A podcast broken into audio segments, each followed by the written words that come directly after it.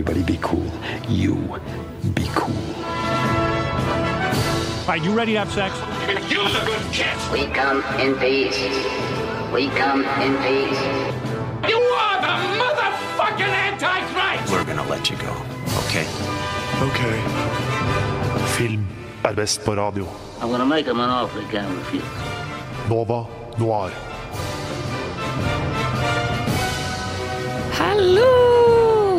Velkommen til Nova Noir. Det er torsdag, det er vår, det er sol. Det kjennes ut som 18 grader ute, selv om det står at det bare er 12. Men det kjennes ut som 18. Dette er en veldig god dag, og vi skal snakke om norsk film! Woo! Som passer veldig bra, fordi det er 17. mai om to uker. Så vi hyller liksom Norge litt. Eh, med meg i studio i dag så har jeg Kim, Yes. Lukas, Hallo. og bak spakene er Ragnhild. Og jeg er Embla Aaslein, og i dag, eh, før vi hopper inn i liksom norsk film, og hva egentlig norsk film er, og hvem er norsk film, og hvor mye kan vi egentlig om norsk film Nå har det vært veldig mye hype rundt norsk film lenge, men kan vi egentlig så mye eh, om noen andre enn Joakim Trier? Eh, så skal vi prate litt om hva vi har sett siden sist. Sett siden sist. Og Kim, du kan begynne. Hva er det du har sett på for tida? Eh, apropos norsk film. Eh, jeg var så Alle hater Johan eh, på kino for en liten stund siden, noen uker siden nå. Eh, det er med Pål Sverre Hagen og Ingrid Bolse Berdal. Veldig gøy film, veldig artig film, og jeg likte det mye bedre enn jeg trodde jeg kom til å gjøre, egentlig. Det er en film, Jeg har sett traileren mange ganger, for Ja. den har vært veldig sånn, ja, før alle kinofilmer. Ja, Og jeg har ikke skjønt, eller jeg har følt at den viser hele filmen i traileren, og så har jeg liksom ikke skjønt om dette er en film som er bra. Ja, det er det som er sånn Jeg, visst, jeg, jeg trodde det kom til å være sånn tull og tøys-film. Jeg så ikke traileren vel å merke, men det var liksom jeg fikk med meg det er en dude som heter Johan, og han liker å sprenge ting, og alle hater han. Så jeg tenkte sånn, her her kommer til å være sånn svart komedie og bare sånn dustegreier, liksom. Uh, men det var en overraskende sånn fin film med, masse hjerte og ja, bra karakterer. Så der jeg ble litt Jeg ble rørt flere ganger i løpet av den filmen. Gode skuespillere, storyen er bra, og så er det veldig sånn eh, jeg føler det er mange norske filmer eller serier som prøver å ta pulsen på det Bygde-Norge, som liksom prøver å innkapsulere inkapsulere den der eh, norske væremåten. eh, I hvert fall når du kommer til bygda, til sånne småsteder. Og Johan bor jo på et, et lite øysamfunn i Trøndelag et eller annet sted. Og den gjør det veldig, i veldig stor grad, og det funker skikkelig skikkelig bra i den filmen. Å, så kult! Kult. Så du anbefaler å se den? Ja, veldig. Den var skikkelig, skikkelig bra. Ok, Jeg tenkte liksom en gang sånn Æh, det her Nå føler jeg jeg har sett den etter å ha sett traileren. Det ser ikke så bra ut. Jeg ble veldig frista til å se den Ja, etter jeg så traileren. Å, ja, faktisk? Så, ja, jeg ble det.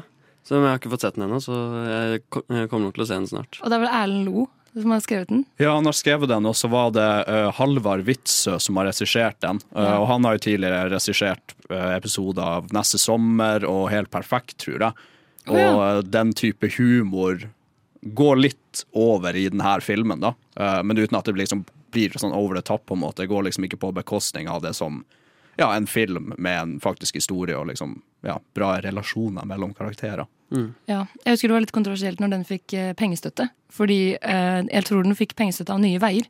Som skal liksom gi penger til um, nye folk. Og så ga de det til Erlend Lo, og alle var sånn 'hallo, det er Erlend Lo'. ja. det er han, dette er vår talentsatsing. Liksom. Han Ja. er kjempekjent forfatter. Ja, han er good, men han treffer veldig bra på den der. Det gjør han. Okay, Eh, ikke at jeg skal uttale meg om penge, pengestøtte eller noe, men for all del, se den. Støtte Han gjorde en god jobb, i hvert fall.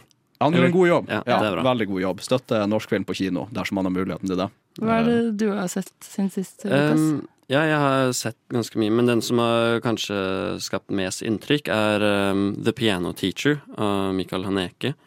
En fransk film fra 2001, og den var helt sinnssyk. Hvis dere ikke har sett den, så anbefaler jeg å se den. Jeg har ikke hørt om den engang. Nei, det, Sjæl, altså. den eh, Jeg hadde heller ikke hørt om den, og det er første film jeg så av regissøren. Men han eh, Ja, han vant uh, beste film i Cannes, og så vant hun beste actress, og han som spiller birolle, vant beste actor. Oi! Og etter det så sluttet, de, så sluttet Cannes å dele ut så mange premier til kun én film. Nei, se her! Ja, men det, det er en litt vanskelig film å forklare, men det handler om en veldig sånn uptight pianoteacher som eh, Eller pianolærer, eh, som Pianoteacher. Ja, som har Det minner meg litt om Black Swan. Eh, forholdet mellom mor og datter, og moren som er litt sånn streng, og uh, at man er en voksen dame, men bor, bor fortsatt med moren sin. Uh, prøver liksom uh, leve opp til å bli den beste pianisten, da. Men så tar den plutselig en helt annen retning enn det Black Swan gjør. Så går det mot en veldig sånn derre fetisjerende og veldig seksuell retning, da. Og man det er, ja. Det er en veldig vanskelig film å forklare, men er helt sinnssyk. Du er litt eh, on a roll med franske filmer. ikke det? Ja, mener, jeg har ja. sett letterboxen din har poppa off veldig med Ja, franske men titler. det har, det har blitt overrasket over hvor mange bra franske filmer det finnes der ute. Eh, men jeg rater den fem av fem, i hvert fall. Hey. Oi, ok, kult. Jeg har sett eh, Fordi eh, dere vet en app kalt TikTok. Mm. der Algoritmen gir meg ofte sånne filmanbefalinger. Algoritmen kjenner meg bedre enn noen andre. Den er min beste venn. Eh, og der har jeg fått sånn derre Filmer for deg som liker la, la, la. Og så kommer det masse filmer jeg liker. Sånn, hvis du liker Boyhood, ladybird, eh, la, la, la, så bør du se denne. Eller sånn. Ja. Eh, og alltid i listene så har Good Will Hunting vært der. Jeg har aldri sett den filmen. Har du ikke? Jeg hadde ikke det. Okay. Uh, og jeg var sånn, ok, uh, den må jeg se. Og det har jeg tenkt et år nå, og den driver og kommer overalt. Og sånn der, eh, min comfort-film, Good Will Hunting. Den filmen som liksom lærte meg om livet. Og jeg, var sånn, jeg har sett den overalt. Jeg føler at universet har prøvd å si til meg sånn, du må se den filmen. Jeg skal bare si at Du trenger ikke liksom verdens mest avanserte algoritme for å bli fortalt at Good Will Hunting er en, en must Jo, men den har bare kommet til liksom min nisje. Eller sånn, den har kommet veldig spesifikt til meg. da. Jeg føler at internett har vært sånn, Den har den pusha på meg så lenge nå. Og nå så jeg den endelig. Uh, I påskeferien. Og hva syns du? Eh, Den var koselig, den. Ja. Men jeg følte, jeg ble litt sånn algoritme. Hvorfor har du, Jeg trodde den skulle endre livet mitt, eller et eller annet. Ja, den ble litt overhyped, kanskje. Ja. Den litt. Ja. Men den var jo veldig koselig. Ja. Og det er noe med å se en film der liksom det bare er en hovedkarakter som bare er eh, et geni som kan alt, som er veldig deilig.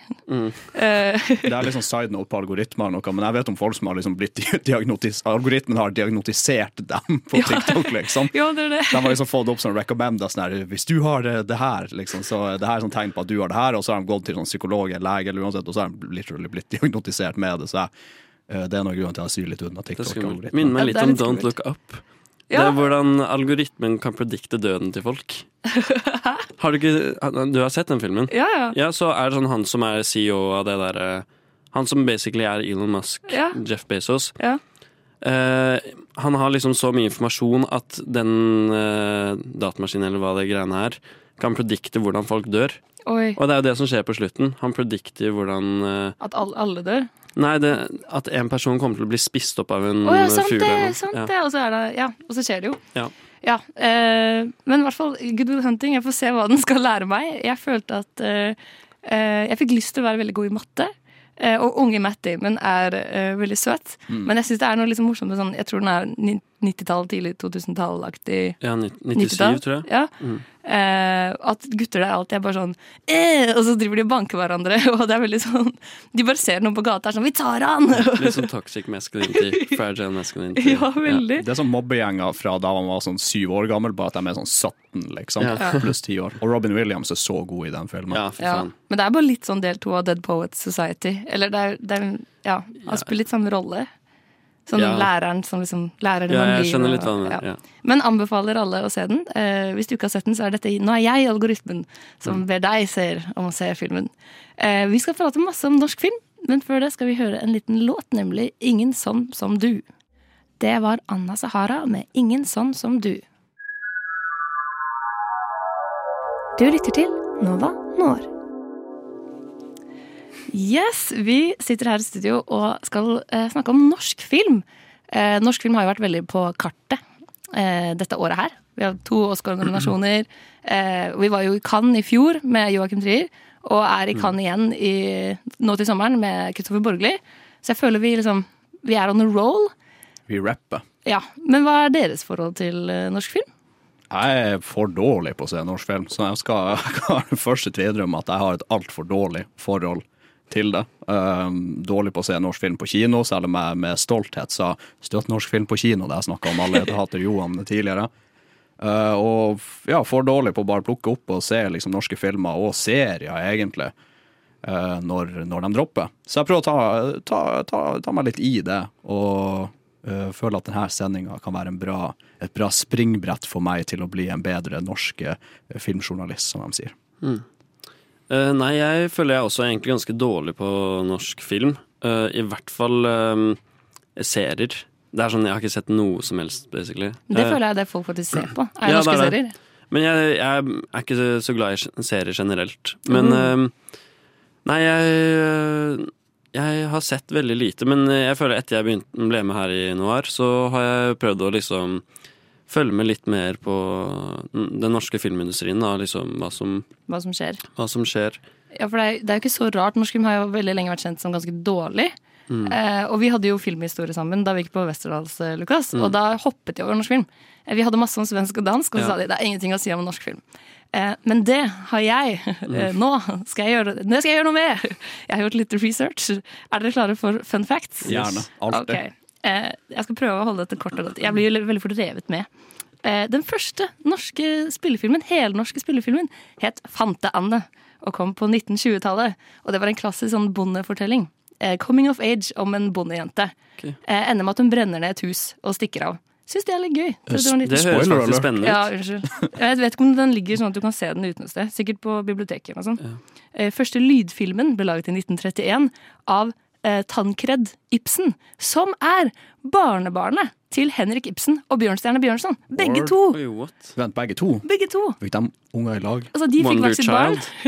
Altså, de fikk hvert sitt barn, og deres barn fikk Tankred. Ja. Så han har liksom en besteforelder på hver side. Shit. Og han var sinnssykt. eh, den største liksom, norske filmskaperen på 30- og 40-tallet. Er ikke det helt sinnssykt? Jeg synes det er kjempekult. Det er ganske vilt. Og du vet, på Cinemateket så er det en sal som heter Tankred. Eller Ja. Tan Tansred. Jeg aner ikke hvordan man uttaler Det er Tankred. Tankred. Ja. Det er jo sikkert oppkalt til han, Mm. uh, har jeg skjønt selv, da. Ja, nei, jeg innså det nå Ja, selv. ikke sant? Kult!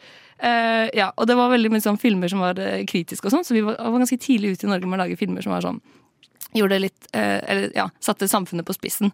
Og som ikke var på en måte så eh, gøyale. Og eh, i 1956 var det 35 millioner kinobesøk. Så kino var kjempestort i Norge på 50-tallet. 35 millioner. Det er mye mer enn nå. Eh, Vet du hva det er nå? Nei, kjempelavt. jeg vet de sliter at det går ned Ja. Jeg tror det var 61 000 eller noe sånt. Nei, det, det må være mer enn det. Ja, Lite i hvert fall. Ja. Det høres ut som en vibe å være på kino på 50-tallet. Ja, da var jo det the happening, på en måte. Ja. Du dro og gjorde det, liksom. En hel greie. Eh, og så, men på 60-tallet så kom det strengere regler for penger. Du måtte egentlig gå i overskudd. Altså, du fikk ikke noe støtte hvis ikke filmen din gikk i overskudd. Eh, som gjorde at folk ikke turte å liksom, lage alternativ film. Så alle lagde det de kalte lystfilmer. Som jeg synes er et begrep vi skal ta tilbake. Som bare er eh, filmer som er sånn lette. Lette komedier. Ja. Bølgen er en lystfilm. Eller sånn eh, actionfilmer eller filmer som ikke er så dype, liksom. Jeg føler vi er litt tilbake i den æraen nå. Ja, jeg er helt enig. Det er jo litt det der med at det er så mange remakes. Ja. Ingen tør å satse på noe nytt, og det er kun det som får støtte. Ja, Så det er litt trist. Det er kjempetrist. Så lystfilm det er basically en popkornfilm. Popkornfilm. Ja, Ja, det er det som er greia. Ja, synes det var et kult begrep. Ja. Og så på 1970-tallet så begynte de å gå imot det og lage kjempemørke, tunge sosialdemokratiske filmer. Om liksom dype Og arbeiderfilmer om arbeiderklassen og sånn. Eh, og det eh, gikk kjempedårlig. Ingen dro på kino lenger. Eh, kinomarkedet i Norge bare krasja helt. Eh, på 1980-tallet kom alle blockbusterne fra USA, og ingen så norsk film lenger. Og de måtte liksom sette i gang et helt sånn orkester for å prøve å redde norsk filmindustri, for alle dro bare og så sånn Back to the Future og Jaw og ja, alle de liksom kule, morsomme filmene. Og vi har egentlig ikke recovera helt fra det. Eh, Amandaprisen kom i 1985, det er jo vår Oscar. Det var et forsøk på å prøve å liksom hylle litt norsk film. Men det har egentlig gått litt trått ever since. Man ser jo også mye eh, innflytelse, eller hva jeg skal si, påvirkning av amerikanske filmer på norske filmer. Ja. Alle de Ja. katastrofefilmene vi har, og jeg vet ikke, måten noen av karakterene snakker på sånn. Jeg føler at vi eh, mange, mange norske filmer har prøvd å ja, herme litt etter amerikanske filmer for å sikkert trekke publikum, eller uansett, for at det er da sånn du lager en popkornfilm. Og så har vi på en måte gått litt mer tilbake til å prøve å lage noe som er litt mer sånn særnorsk, kanskje. Ja, det er veldig sant. Den største norske filmen of all time, det som har blitt sett flest ganger, er Flå, Flåklypa Grand Prix. Eh, og den har jo på en måte alle de faktorene som er liksom en gøyal film, Ja, som alle kan like. Den er lett å like, da. Og som Eh. definisjon på en tidløs film også. Ja. Og så eh, er det noen i Fordi dansk film og svensk film har jo blitt kjempestort internasjonalt, og det har aldri norsk film liksom blitt. Og så er det en- en i Rushprint, som er sånn filmmagasin, som i 2009 hadde en teori om hvorfor vi aldri har hatt noen norske liksom, autører. Eh, og det er gøy, for her trekker han fram Joachim Trier, og dette var i 2009, så det var før Trier hadde liksom poppa sånn som han er nå. Og da sier han at liksom, han tror det er vår tradisjon i fellesskapfokus, altså fellesskapfokusert utvikling og sosial rettferdighet, at alle skal inkluderes og ingen skal skille seg ut, som gjør at vi aldri pusher frem noen regissører. Litt sånn janteloven. da. Janteloven. Vi Ja. har en dugnadsånd, så hvis en regissør gjør det bra, Så da er du ferdig. Da har du lagd én film, da er det noen andres tur. Og sånn har vi aldri fått stjerner. Og han sa for eksempel så fikk Joakim Trier masse tilbud av Hollywood etter reprise, men ingen i Norge.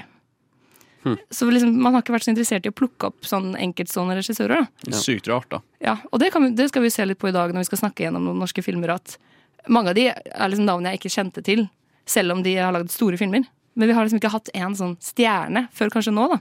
Mm. Jeg satt jo sjøl og prøvde å tenke litt igjennom hvem er som liksom store norske regissører alt mulig. men sliter med å komme på veldig mange. Altså. Ja. Det, de blir liksom ikke highlighta på den samme måten. Og også når det kommer til skuespillere, så er det jo, det går jo, det er jo ikke en meme, det er det jo ikke, men folk klager jo ofte på at vi ser de samme sånn hva, tre, fire, fem norske skuespillerne i absolutt alt. ja Sverre Paul Hagen. Som, ja, ikke sant, Men, Andrea Brein Håvig. de er overalt. Aksel Hennie var jo ja. faen the OG på det der. Ja, men han er ferdig nå. Jeg føler. jeg. Han er man så lei at han dukker nesten aldri opp i noe lenger. Men jeg føler Morten Tylum er jo kanskje en av de få som har gjort det ganske bra. Men han har jo dratt til Hollywood, da. Hvem er Morten Det er han som har laget The Imitation Game, for eksempel. Ja, men ikke sant? Jeg visste ikke at det var en norsk dude engang. Nei, Og jeg er et filmprogram. ja. Så hvor lite vi kan, er jo helt slående. ja. Men jeg syns det er litt trist at det er sånn for at man skal lykkes som regissør i Norge, så må man dra til Hollywood. Ja, Og at man ikke kan bli værende her, da. ja for det, vi har jo de der Joakim Rønning og Espen Sandberg. Det er de som eh, lagde Kon-Tiki. De, fordi de fikk jo en Oscar-nominasjon for beste internasjonale film. Og vi hadde jo forelesning med han Joakim Rønning på Westerdals, og da sa han at etter det så fikk de bare tilbud left and right om å regissere sånne store blockbustere. Men at, fordi de regisserte jo Paris of Caribbean 4. Ja. Eh, det var det første tilbudet de fikk. ikke sant? Fire, ja. eh, og de sa de fikk jo egentlig, bestemme noe. De var jo bare sånn dukker. Som er sånn, Disse er Oscar-nominert, vi setter de på. Men det var Johnny Depp som bestemte når han kom, hvordan han ville gjøre det. Eh, produsentene overkjørte dem. At de har egentlig bare kommet til Hollywood og bare vært sånn derre dukker som ikke har fått bestemme noe selv. Og ha noe kreativ impact. Og er det å lykkes som regissør, liksom? Nei, det er det. Men som Pirates of the Caribbean ville jeg ikke sagt det er liksom den mest uh, autørfilmen heller, da. Nei, men det er det, men De får jo bare regissere nesten sånne filmer, da. Ja, det er det. Sånne svære filmer for Disney og sånn, som bare Mm. er en sånn eh, shitshow. Ja. Uh, og det har vi mange norske regissører som gjør. Tommy Wirkola som vi skal snakke om litt Mm. senere. Og Harald Svart. Har jo alle dratt til Hollywood og gjør det liksom bra der. Mm. Men vi har jo ikke noe forhold til dem her hjemme. Nei, det det. Det blir veldig sånn om, jeg, jeg tror det har litt med konkurranse å gjøre også. Uh, som vi sier, liksom, du må liksom, Hvis du hevder deg i Norge, så forsvinner du fra Norge, men så går du jo inn i det største filmmarkedet i hele verden. Eh, I hvert fall når det kommer til uh, exposure, eller uansett. Og når det da er snakk om å for se Hansel og Gretel, liksom, du, du er gira på en amerikansk sånn, popkornfilm eller blockbuster, uansett, ser du Hansel og Gretel, eller går liksom og ser sånn Avengers eller noe sånt. på en måte sånn. Det, er, det er en helt annen ballpark derfra, føler jeg. Ja. Men jeg tror jo verdens verste menneske, eh, selv om det er en kontroversiell film i vår redaksjon, har åpnet noen dører. da Og jeg tror det kan komme flere liksom, filmer som ikke er katastrofefilm eller krigsfilm fremover, fordi man har skjønt at det er et publikum for det. da Og plutselig ble vi jo litt lagt merke til i den store verden òg. Det blir jo ikke liksom bølgen eller skjelvet. Nei, det er det. Jeg føler det Norge trenger litt, er en litt mer sånn alternativ stil, da, som eksempel Verdens verste menneske og Ninja Baby, for eksempel, hvor man tør å gå litt utafor boksen, og ikke prøve å imitere enten Hollywood eller lage noe veldig sånn sosialrealisme. Fordi sosialrealisme er veldig vanlig i Norge. Men det er det vi, er, det er det vi kan. Ja, det er det vi kan, men jeg føler det er litt det vi må bevege oss fra òg. Fordi det er sånn, hvis det er det vi kan, så har vi bare låst oss i noe som vi behag... uh, som vi føler oss veldig behagelig i, da. Og man må bare gå ut av den der komfortsonen, vil jeg tro. Ja. Nei, Det blir spennende å se hva som liksom kommer fremover nå. Om vi er liksom inne i en ny gullalder for norsk film. Det lages jo omtrent 20 filmer i året nå, og det er jo ganske mye. I forhold til at man kanskje drar og ser liksom to norske filmer på kino i året. Eh, vi skal snakke litt gjennom noen forskjellige filmer. Vi begynner i 2006 for å prøve å få liksom inntrykk av de forskjellige norske sjangerne, og hva er typisk norsk film, og ja, forstå oss litt mer. Og snakke litt om noen av disse regissørene som vi kjenner så altfor lite til. Men før det skal vi høre en liten låt, nemlig 'Diamanter og dopamin'. Det var 'Diamanter og dopamin' med Gunerius og Verdensveven. Du hører på Nova Noir. Hey, who do you think you are, anyway? Answer me, or I destroy you! Vi er Nova Noir, og vi snakker om norsk film. Og den første filmen vi skal ta for oss i dag, er fra 2006 og heter Den brysomme mannen. Uh, og jeg hadde aldri hørt om denne filmen før, men du er jo veldig fan, Lukas. Ja. Hva handler denne filmen om? Uh, ja, det er et litt sånn Det er en sjang mysteriefilm, vil jeg si. Fantasy-komedie. Uh, som handler om en mann som bare havner i en ny by, og man vet ikke helt hvor han kommer fra. Eh, og så, jo bedre kjent vi blir med dette, denne byen slash universet, så legger vi merke til at folk er veldig likegyldige og har liksom ikke så mange meninger. Og han hovedkarakteren da, begynner å stille litt mye spørsmål rundt det her, og legger merke til at mat og drikke ikke smaker noe, alkoholen funker ikke. uh, det finnes ikke noe musikk, og det finnes heller ikke noen barn i denne byen. Så han begynner å stille litt spørsmål da, som skaper litt styr i perfekte, denne perfekte byen.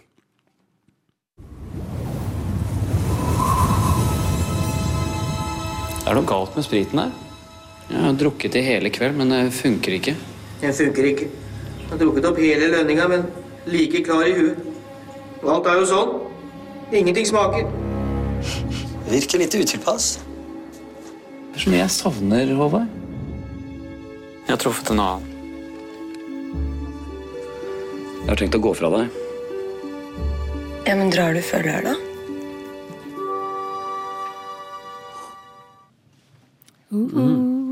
Så ja, den filmen er kommet i 2006, eh, laget av Jens Lien.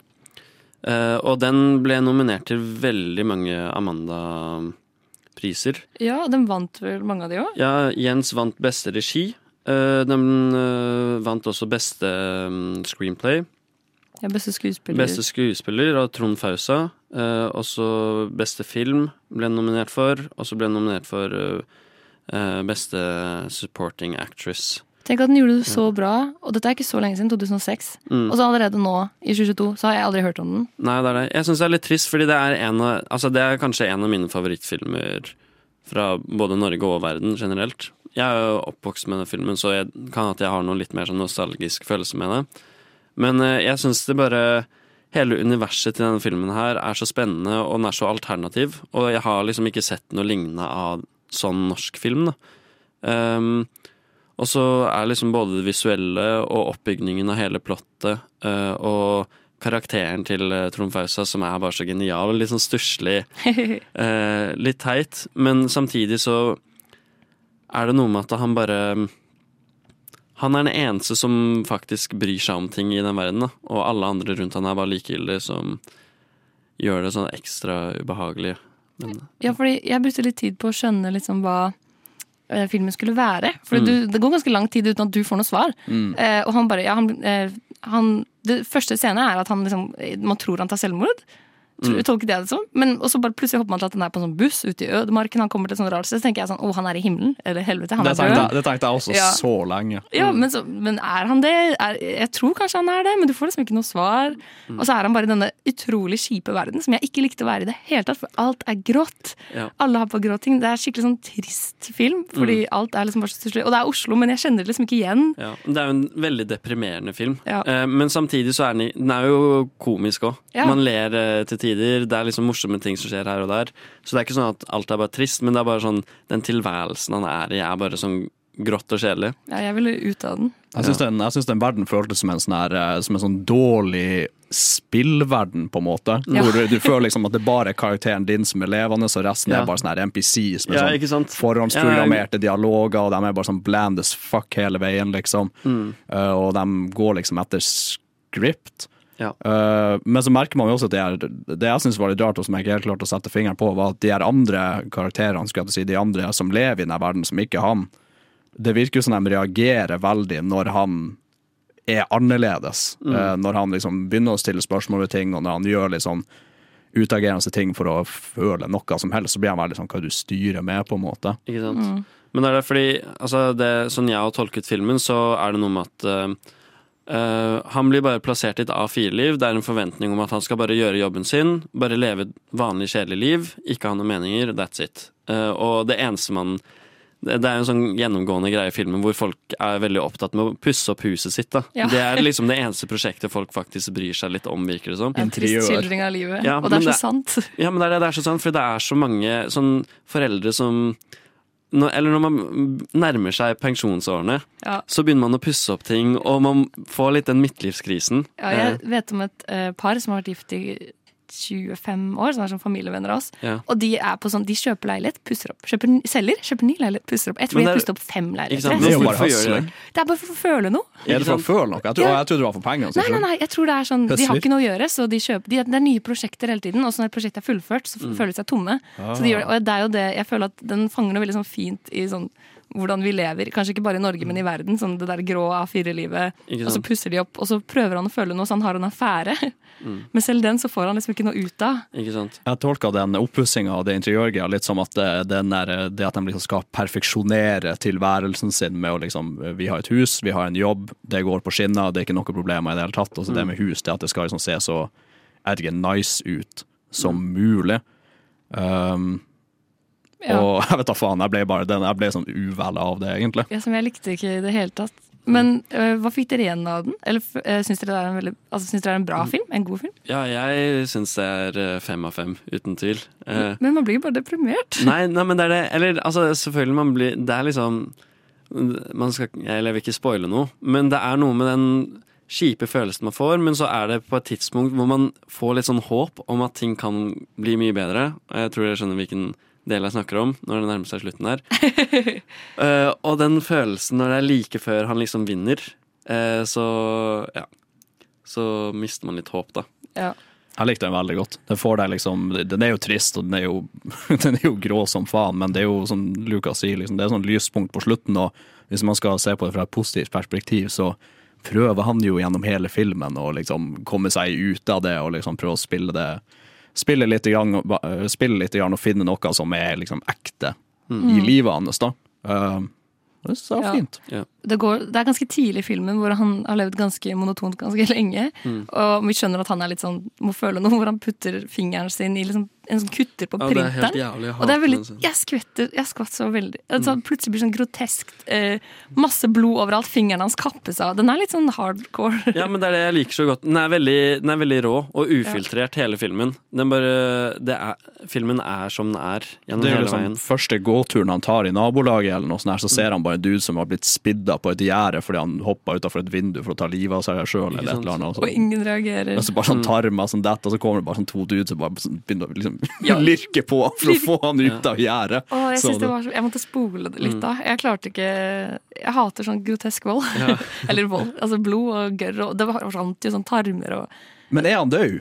Fordi når han kutta av den fingeren, så kommer jo den fingeren på plass igjen etterpå. Ja. Så han, han har jo fingeren, liksom. Det er det, det, er det er, som er så interessant med den filmen. For det er sånn, det virker ikke som at folk faktisk kan dø heller, i det universet som man lever i. Fordi man, ja. De kommer bare til live igjen. Ja. Men det er det som gir meg følelsen at alt er liksom i himmelen. Eller helvete. Eh, Kanskje mer et helvete, egentlig. Ja, jeg ville sagt Eh, det er et helvete. Ja. Jeg syns det føles litt som en sånn her rar Dere vet sånne drømmer man har, eh, hvor man liksom kan drømme at sånn her noe er helt hverdagslig, men noe er off, på en Mm. måte. Eh, og så våkner du opp, og så er du litt sånn, litt sånn rar, sånn der, litt sånn uvel, sånn der, litt sånn surrealistisk drøm, Ja. egentlig. Det var sånn det føltes for meg. Ja, jeg føler eh, han eh, Hva er det han heter igjen?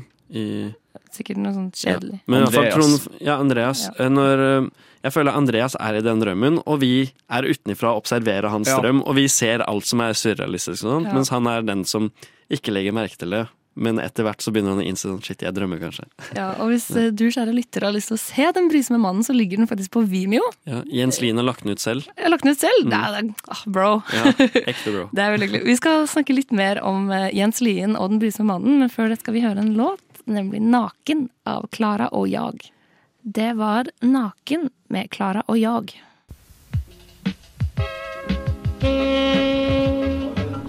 Alle tre, og så kommer Edmund og bare What the? Har du sett Parasite? Ja. Har du sett Parasite? Du vet når hun gjør den der, den der huskeringen sin? Å, shit, shit. Uh, Nova Noir.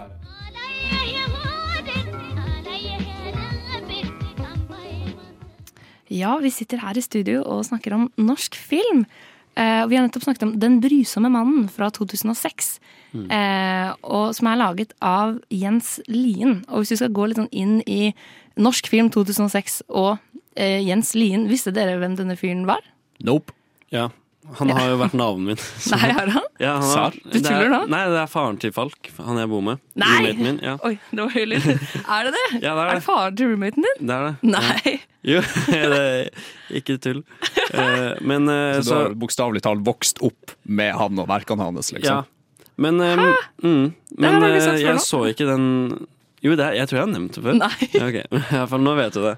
Uh, men jo, jeg uh, Han har jo laget et par andre filmer. Han har laget Johnny Wang uh, med Aksel Hennie. Jeg tror det var da Aksel Hennie ble oppdaget, som Å, jeg har forstått. Ikke Uno? Nei, det, det, Johnny Wang var før Uno, tror jeg. Ah, ok. Um, og så lagde han brysomme mannen, og så lagde han en film som heter Sønner av Norge, som også er ganske kul.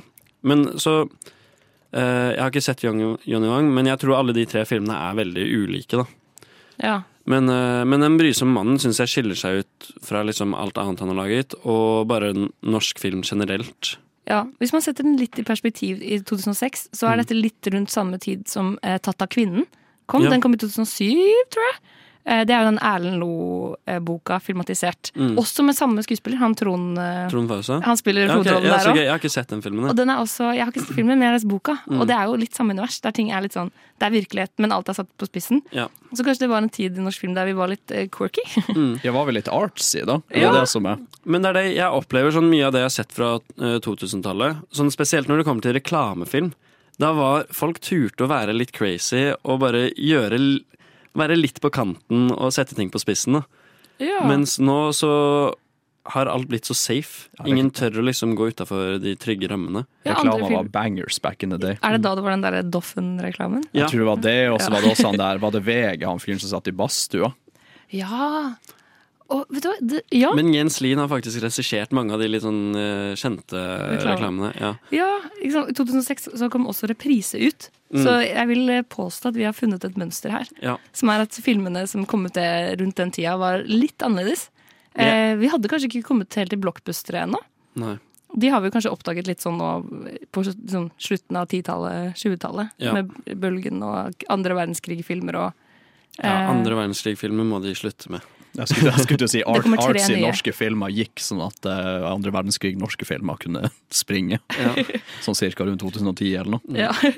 ja, Max Manus kom i 2008. Det var da det snudde. Det var, ja, det var da det snudde, som faktisk. Så dette er tiden pre andre verdenskrig-filmer. Mm. Så vi, vi separerer egentlig den eh, norske filmæra uh, pre-Max Manus og post-Max Manus. Ting ble aldri det samme Det igjen. ble aldri det samme igjen. Og det er jo Joakim Rønning som han vi pratet om i stad, Mm. og han Espen som har lagd Max Manus. De som ble Hollywood-gutta og lagde Paris of Caribbean. De fucket Norge. De ødela norsk filmindustri. Jeg, jeg husker jeg elsket Max Manus. Jeg, fikk, eh, jeg måtte mase meg til å se den på kino med pappa. Uh, og jeg husker jeg bare ble helt sånn mindblown da jeg så den. Jeg tror det er den jeg- første filmen, jeg- norske filmen jeg kan huske som var sånn uh, Alle måtte bare se den. Ja, ikke sant? Alle hadde sett Max Manus. Uh, jeg ser også Bent Hamer. Han har vi hatt en spesial om litt tilbake. Mm. Han som lager sånn kjemperare indie, quirky norske filmer. Han, en, eh, han lagde mest filmer mellom liksom 1995 og 2010. Så han hadde også sin storhetstid da. Eh, så jeg, jeg føler at vi turte å lage ting som var litt rare da. Mm. Eh, og jeg ser jo også at eh, Den brysomme mannen har jo gjort det ganske bra internasjonalt. Så det er jo når vi faktisk tør å lage noe som er litt annerledes, at vi faktisk blir litt oppdaget utenfor Norge òg, da. Ja, men det er det, sånn for eksempel Den brysomme mannen og eh, Verdens verste menneske så, uh, og Ninja Baby, som vi kommer til litt senere. Alle de filmene har jo blitt nominert til ganske mye forskjellig, og for eksempel Ninja Baby ble også vant jo beste film uh, mandag, gjorde den ikke det? Mm, gjorde den det? Ja, jeg tror det. Eller ble i hvert fall nominert, da. Ja. Eh, og for et par andre priser. Men det er sånn, det tyder jo på at det er den veien der vi må fortsette å gå. Ja. Sånn, Jeg er helt enig. Og det kommer jo en ny Jens Lien-film nå, ser jeg. ja. Den har fått åtte millioner kroner i tilskudd. Han skal utvikle Oppdraget, en dystopisk komedie hvor roboter har gjort mennesker overflødig. Ja. Jeg tror det blir litt samme Litt eh, likt eh, Den brysomme mannen, hvis jeg har skjønt, eh, det riktig. Det blir spennende. Så spennende. blir liksom litt sånn alternativt univers. da Og så tror jeg det handler noe om borgerlønn òg. og at man mister eh, ja, litt meningen med livet. Det er kjempekult. Er det norsk sci-fi? Tolker jeg det rett? ja, ja, ja, det det er hørtes sjeldent ut. Det hørtes lage veldig sjeldent ut. Det liker vi. Det liker vi Og nå har jo Erlend Loe gjort comeback òg med Alle hater jo han. Så kanskje den quirky, rare arbeiderfilm-æraen er på vei tilbake. Det blir quirky, rare arbeiderroboter i stedet for. Yes. Kom igjen. Jeg gleder Kom meg igjen. allerede. Eh, vi skal hoppe videre til 2007, eh, men før det skal vi høre Be- Bekjente, Bekjente med Aksel Rosén. Det var Aksel Rosén med Bekjente. Nova Noir! Nova Noir.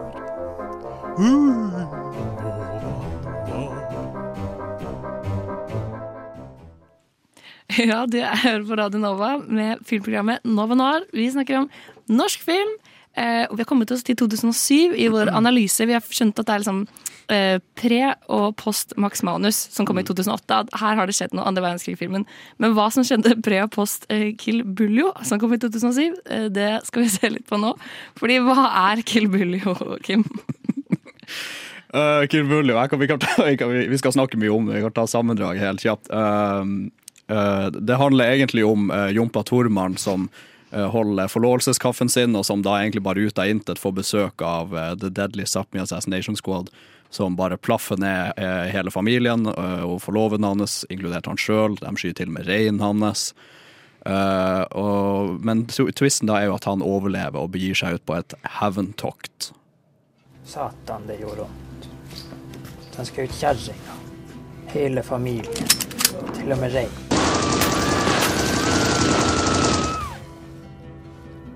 Er det her angående tjuvslaktinga?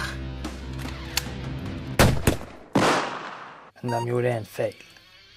De trodde jeg var død. Jeg var vel faen ikke død. Velkommen, betjenter, og god aften. Den mistenkte heter Jompa Tormann. Vi vet ikke om han er bevæpna, men han anses for å være ekstremt dum og farlig. Absolutt. absolutt Dum og farlig. Uh, det her er jo for meg Det er fuckings ære. Altså 2007, etter 50 50 Cent hadde droppa sitt eh, andre album, sitt andre studioalbum på et eller annet tidspunkt. Vi pleide å stå ute i 20 minusgrader i friminutt og spille Mac Music ut av vinduet på uh, uh, Hva heter det kjøkkenfaget man har? Heimkunnskap. Heimkunnskapskjøkkenet vårt. Og alle sammen hadde sett denne fuckings filmen. Det var, eh, det var en moment. Rett og slett eh, en, en bombe som droppa i norsk film eh, på den best tenkelige måten jeg kan si det på. Jeg hadde ikke sett Kill Buljo, men jeg kan huske veldig godt at den kom ut. og at det, var litt sånn Har du sett det? Og at ja, de skyter han, eller at liksom de som hadde, sett den, eh, var litt sånn wow, eh, denne scenen er helt sjuk. Og jeg husker jeg bare tenkte sånn Det er ekkelt. Helt uinteressert. Det er, vilt, det er alltid vilt for meg hvor mange som har sett den i Norge, for i utgangspunktet er den, den er jo snever as fuck. ikke sant? Den er jo lagd i Alta, i Vest-Finnmark, av Alta-folk for det aller, aller, aller meste. Uh, det her var jo den første spillefilmen til Tommy Wirkola og uh, Stig Frode Henriksen, som siden har gått uh, videre til å gjøre større ting med mer penger. Uh, og det er jo en kultklassiker i Alta, åpenbart. Liksom. Han har jo spesielt, en spesiell plass i hjertet mitt. Men den dag i dag så vil jeg liksom møte nye folk i Oslo, eller hvor enn ellers fra i landet. Og der var sånn du er fra Alta!' ikke sant? Og så vil de sitere noe fra Kill. Og så er det sånn instant bonding over det. Og uh, jeg hadde egentlig ikke trodd det. det. Det føltes veldig som en sånn kapselgreie for Alta type 2007. Det at det har strekt seg så langt til det veldige land, for en impact. For en impact. Det er jo parodifilm. Mm. Eh, Det lages ikke så mye av i Norge. Nei. Jeg føler Er det kanskje en av Kanskje den eneste parodifilmen som Ja. eksisterer i Norge? Ja, på Kill Bill. Jeg vet ikke om vi sa det. Ja, jeg Ja. håper man skjønte det. Ja, det er veldig åpenbar parodi. Jompa Thorman går til og med i den eh, gule og svarte drakta som uh, Uma Thurman har i Kill Bill. Eh, bare med samelua på deg i tillegg. Han Mm. bruker Ja. samuraisverd og alt mulig. Jeg tror han kapper motherfuckere i to. Det, det, er en, det er en volds... eh, på lik linje med Kill Bill, en voldsorgie, om jeg kan si det sånn. Ja, jeg eh, sovnet litt på slutten der eh, når jeg så denne filmen i går. Eh, unnskyld, Kim. Eh, så jeg, det er et parti der jeg mista litt. Men jeg syns det er vanskelig å liksom, oppsummere hva Ja, OK, han skal ta hevn, men så er det bare et skitshow. Du sovna? Ja, nei, det er egentlig bare det som skjer. egentlig på, li- på samme måte som Kill Bill. Liksom, det er bare en, de skal bare ta hevn, og så bare hevn er det som skjer. Bare spring rundt og bare sable ned eh, eh, gjengmedlem etter gjengmedlem etter gjengmedlem. Og så har du noen klassiske one-linere her. Du har eh, Det er veldig mange klassikere der. det er jævlig mange, og det er liksom sånn øh, Og den er ikke akkurat øh, det, det, Den er ikke politisk korrekt, det den ikke. Det er kanskje noe som ikke har aga veldig bra med den filmen. Den er veldig 2007, både på, på godt og ondt. Spesielt på måten de fremstiller samer på. Eh, Men man kan jo også my, Mye av det faller under det at det er jo en åpenbar parodi og sånn, sånn tull og tøys-film med litt bæsj og promp og blod, Mm. Ja, det, er liksom, det er mye av humoren jeg ikke syns har helt, helt tålt eh, tidens tann. Én En ting er at, at man skal se på det med liksom, eh, hva som er politisk korrekt, men noe annet er liksom dette er politisk ukorrekt. Og det er ikke spesielt morsomt. Det er liksom, noen av de vitsene der Jeg kjenner meg ikke igjen. Jeg kjenner meg ikke igjen i i det hele tatt. Jeg har ikke peiling på hva jeg snakker om. Men jeg får, hver gang jeg hører ordet Kill Buljo, så tenker jeg på Video Nova. Bare som Der man kunne leie filmer, og Ja. så så man alltid liksom coveret til Kill Buljo. Så det er liksom en av mine få barndoms... Eller få barndomsminner, Ja, de få barndomsminner. Nei, Men En av mine gode barndomsminner fra um, Radio Nova. Så du den som barn, da, eller? Jeg er sånn som barn, men jeg husket ingenting. Så det var nesten som å se den på nytt. Ja. Eh, men eh, jeg, altså, jeg syns det var gøy å se på. Det var som å se en studentfilm. Ja. Som om de har skutt på Canon sånn speilreflekskamera. Men det er basically det de har gjort. Eh, det var eh, Vi gjorde litt research, og uh, Embla fant ut at ifølge IMDb så var budsjettet på den 800 000 kroner. Eh, og jeg mener at Stig Frode, eh, Stig Frode Henriksen sa en gang, da vi hadde karrieredag på Alta videregående skole eh, for ca. ti år siden, eh, så, skulle han liksom snakke om karrieren sin som skuespiller, men det endte egentlig opp med å bli en sånn impro standup-session hvor han egentlig bare snakket om hvordan de lagde Kill Bully, og så var det dritmorsomt. Og uh, Det er langt tilbake nå, så det er ikke veldig vagt i minnet, men jeg mener han sa at de bare kosta sånn noen tusen kroner for dem å lage.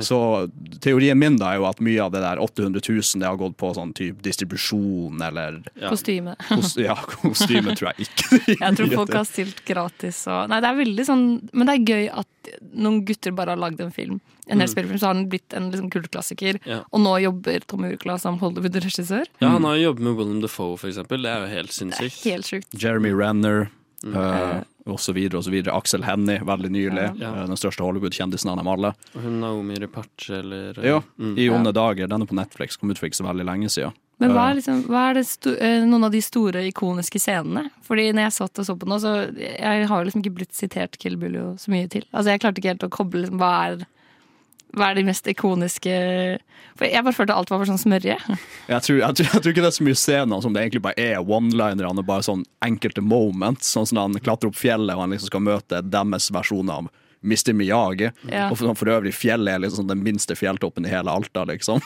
Så jeg har gått opp der mange ganger. Og så kommer han opp, og så står han fyren der med nunchakosene sine. Man bruker dem bare til å banke et jævla teppe eller noe.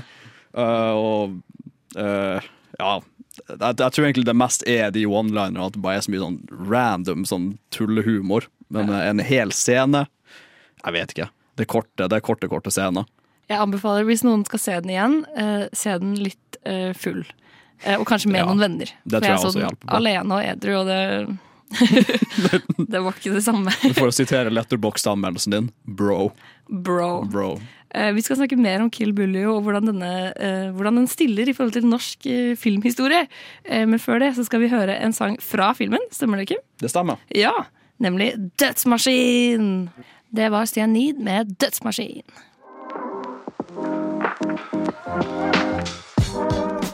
Nova Noir. Film på radio. Hver torsdag 10 til 12, eller i din podkast-app når som helst. Ja, vi har eh, tatt en tur til 2007 og Kill Buljo, eh, Tommy Wirkola sin første film. Eh, veldig hjemmelaget film. Yes. Er det ikke gøy å tenke på at han nå regisserer i Hollywood? En storstjerne.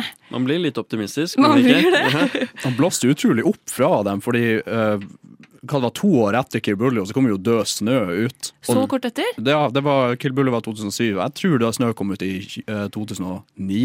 Eh, og det er jo Den var jo svær i Ja. Norge, føler jeg i hvert fall. Men den ble ganske stor i utlandet òg. Den ble jo dubba og sånn, tror jeg. Ja, det er sant. Fikk en oppfølger. Til og med onkelen min i Canada hadde sett eh, Død snø dubba til engelsk. Gøy! Ja. Er det et samme type sjanger? Sånn humor uh, Død snø, den, det er jo sånn horror, men horrorkomedie. Horror, ja, horror Ja, splatterkomedie. Det, liksom, mm. det handler om en gjeng med folk som er på en hytte, og så plutselig, så av en eller annen grunn, så begynner uh, nazizombier og våkne opp fra de døde. Ikke sant? Jenny Skavlan er jo med. Ja, Hun har en ganske stor rolle der. Det er sant. Det er gøy. Uh, ja, også som du sier, Hollywood etter det. Uh, Hansel og Gretel-filmen tror jeg var det, eller Hans og Grete-filmen tror jeg var den første uh, store sånn Hollywood-filmen han hadde. Da hadde de Jeremy Renner som Hans og Gemma Artetten som uh, Grete. Uh, men også det som var utrolig gøy med det, var jo at han klarte fortsatt å flette inn liksom de de gode, gamle uh, Mange av de gamle skuespillerne fra Kill Bull, jo. Stig Frode Henriksen var jo selvfølgelig med i den filmen. Uh, Bjørn Sundquist var der i sånn sikkert sammenhengende tre eller fire minutter eller noe. Og hadde Oi. sånn, uh, hans død i den filmen var sånn det morsomste øyeblikket, og det er ikke spoiler, føler jeg. Fordi Men Sorry, nå avbrøt jeg. Nei, Men bra. eh, med akkurat den filmen så føler jeg at han, eh, Tommy Wirkola har klart å beholde litt den autørenergien sin, eller litt sånn visjonen sin. da Og At han ikke ble overkjørt av f.eks. de vi snakket om tidligere i dag med Pirates of the Caribbean, Ja. hvor produsenten og skuespillerne bare gjør jobben sin. Jeg følte at eh, Det er lenge siden jeg har sett eh, Hansel og Gretel, men eh, eh, der føler jeg at han har i hvert fall eh, ivaretatt eh, sin misjon. Ja, jeg er helt Mm. enig. Det er sånn, man ser Tommy Wirkola-filmer, og det er veldig sånn Det er en Tommy Wirkola-film. Enten den ble liksom lagd på Komstatoppen i Alta for et par tusen kroner, eller den ble lagd i Hollywood for noen millioner. Og det syns jeg han skal ha veldig masse respekt for. Og så humoren, ja, det kan være liksom hit or miss for mange folk, men ja, veldig, veldig han. Veldig han. Han er veldig sånn heavy-handed på sin, eh, sin stil, da. Og det at han også liksom bringer med seg de skuespillerne fra de gamle filmene tilbake liksom til LA. Ja, det det syns jeg, det synes jeg er veldig stilig. Ja, for nå skal han jo også lage en amerikansk eh, actionkomedie eh, om jul. Eh, som okay. kommer til neste år. Hvor nissen, det er terrorister og nissen, og det er det vi vet. Eh, og det er, jeg syns det er kjempegøy. Ja. At det er liksom, han, denne fyren som har lagd en liten parodifilm i Alta, har bare blitt sånn kjempesvær Hollywood-regissør. Ja. Men eh, ja, holder på sitt og er liksom ja, Trist at han måtte rømme til Hollywood, da. Eller kanskje det er en drøm.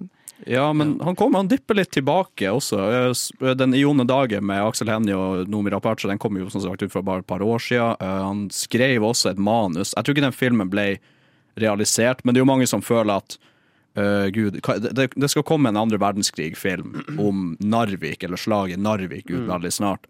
Den som de har Eh, prøvd å slippe i tre år nå. Ja, den. Ja. Og det er mange som føler at Tommy Wirkola burde ha regissert den, for han har familie som var fra Narvik, og han har skrevet manus til en lignende film oh, ja. eh, sånn siden 2016, eller noe sånt, tror jeg. Det hadde blitt noe Eh, veldig annet hvis det var han som regisserte det. Hva kan du tenke deg? Det er en andre verdenskrig-film jeg faktisk hadde hatt lyst til å se. Er han, er han litt som vår Quentin Tarantino? Altså sånn, er den Han er sterkt inspirert, i hvert fall. Det er jo ingen tilfeldighet er- at Kill Bull jo var en Kill Bill-parodi. Men med litt sånn den der sporadiske historiefortelleren og bare masse sånn plutselig brå vold. Det er jo litt gøy. Ja. Ja. Jeg sier også at denne filmen her kom ca. på samme tid som Lange flate baller. Eller Lange flate baller. Ja, ba, det er med æ. Ba, Baller. baller. baller. Jeg er fra Fredrikstad, jeg burde få det til. Men eh, Så det er kanskje en tid også der folk bare hadde lyst til å se litt sånn teit humor. Mm. Uh, det er også den der filmen Kops, husker dere den? Om sånn politi som uh, later som de lager krim selv, for de har ingenting å gjøre i den småbygda de Ja, er den politi. Men den er svensk, ikke det? Nei, er den det? Ja, Kops er svensk. Åh. Men veldig sånn i den samme, samme stilen, eller samme sånn spiriten som de, de filmene Ja, du nevnte, som liksom var på den Men dere, vi snakker ikke om svensk film nå i dag. Nei. Det er helt, men det er kanskje litt den eh, ti, Ja, den kom i 2003. Så kanskje de egentlig svenskene satte litt standarden for liksom eh, den eh, humortype film. Mm. Typisk. Typisk. Det syns jeg. Jeg gir den til Tommy Wirkola, selv om det var fire år etterpå. Men Død snø har jeg lyst til å se igjen. Den er lenge siden jeg har sett. Det er litt sånn, jeg får litt fritt vilt uh, era-vibes. Da Ja. det var sånn skrekkfilm var litt inn i Norge. Mm.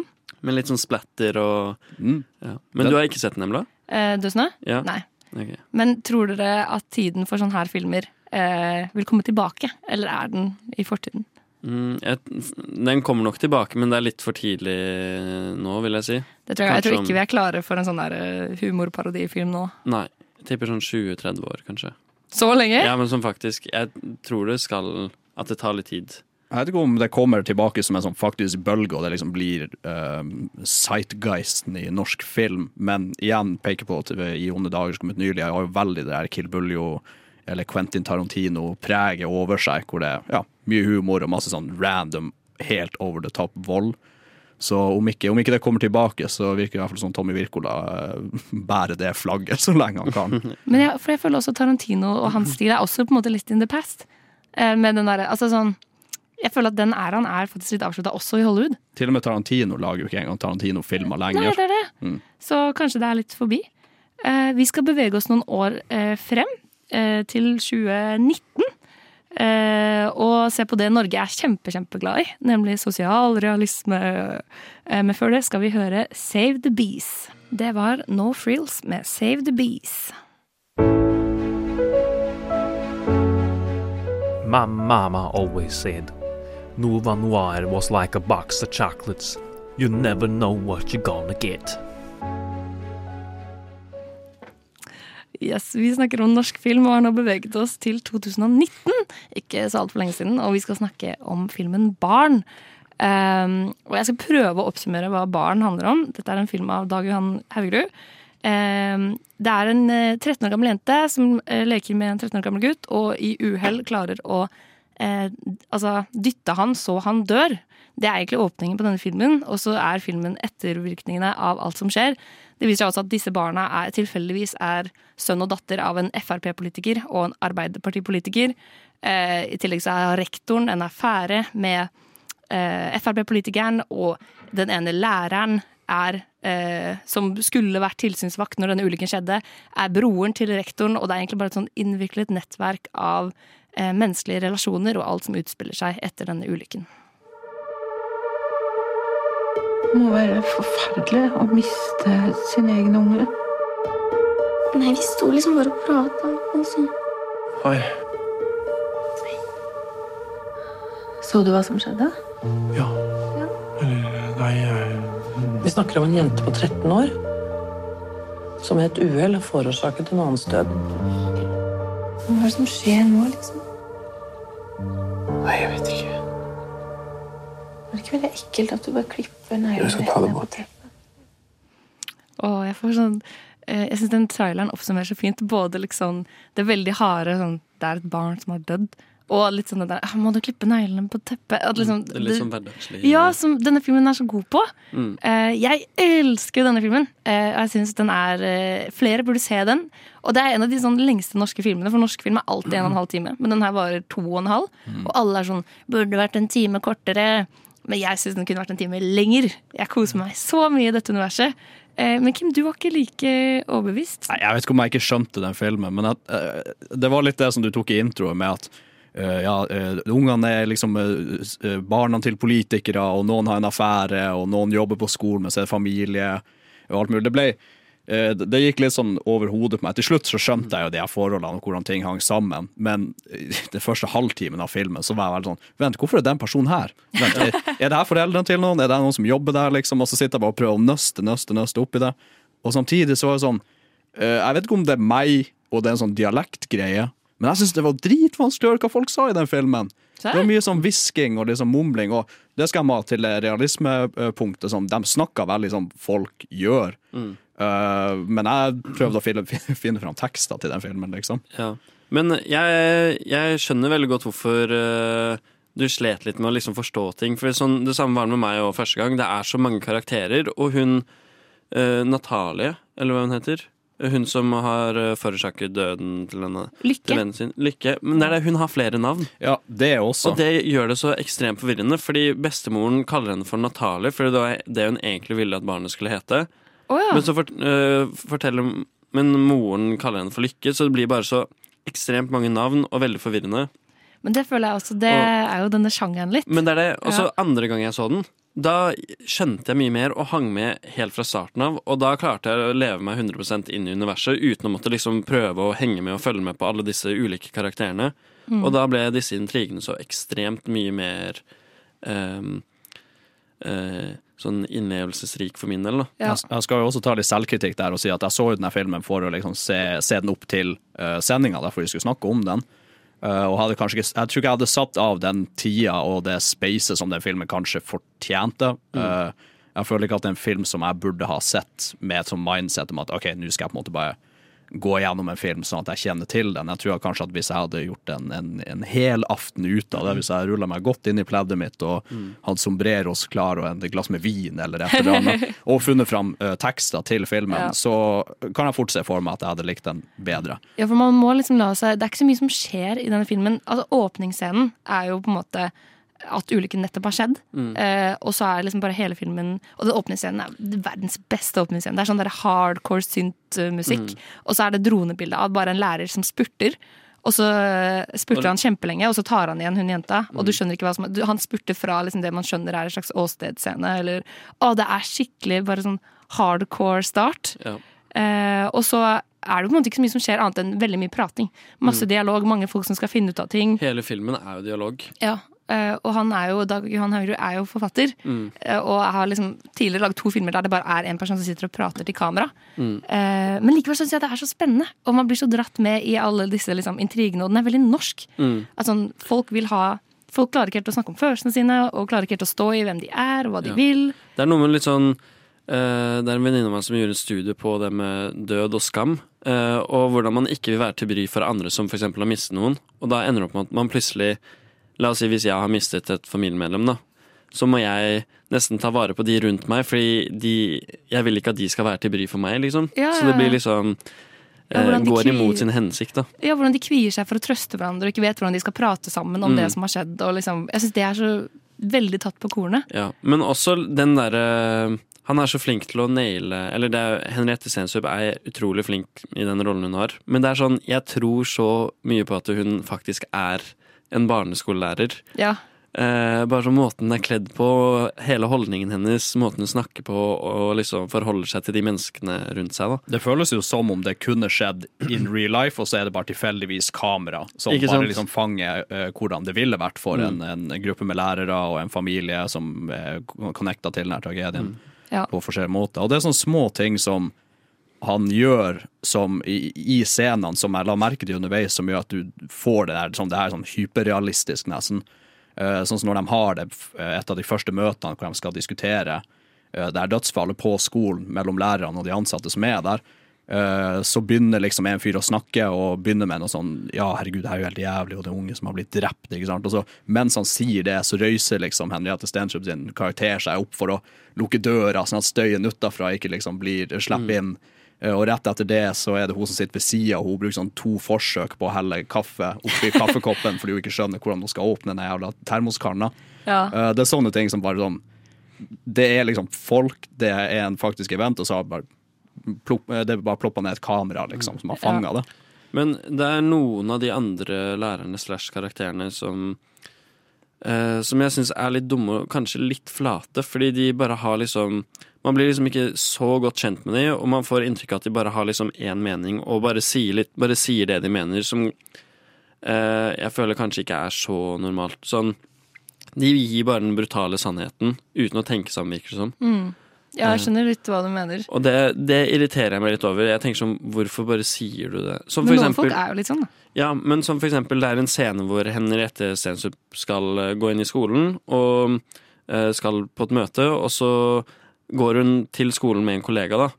Og så forteller denne kollegaen noe veldig alvorlig rett før de skal inn, men så har hun plutselig ikke tid til å prate om det før de skal inn, og det bare tenker jeg sånn Hvorfor? Det ble jeg bare sånn irritert over. Ja. ja, men det er litt sånn ja. mennesker er, for det. Uh, Ja. Og det er jo veldig veldig sosialrealisme, og veldig sånn eh, Sikkert en vanskelig film å pitche, og en vanskelig film eh, Ja. fordi den er litt rotete å pitche. Men og så ble den jo en megahit, eh, i hvert fall blant kritikerne, Mm. da den kom. Og vi skal snakke litt mer om eh, barn, men før det så skal vi høre eh, Svømmebasseng sin Skumring. Det var Svømmebasseng med skumring. In a world that's powered by violence. In a world without gas. In a world where owning a radio was strictly forbidden.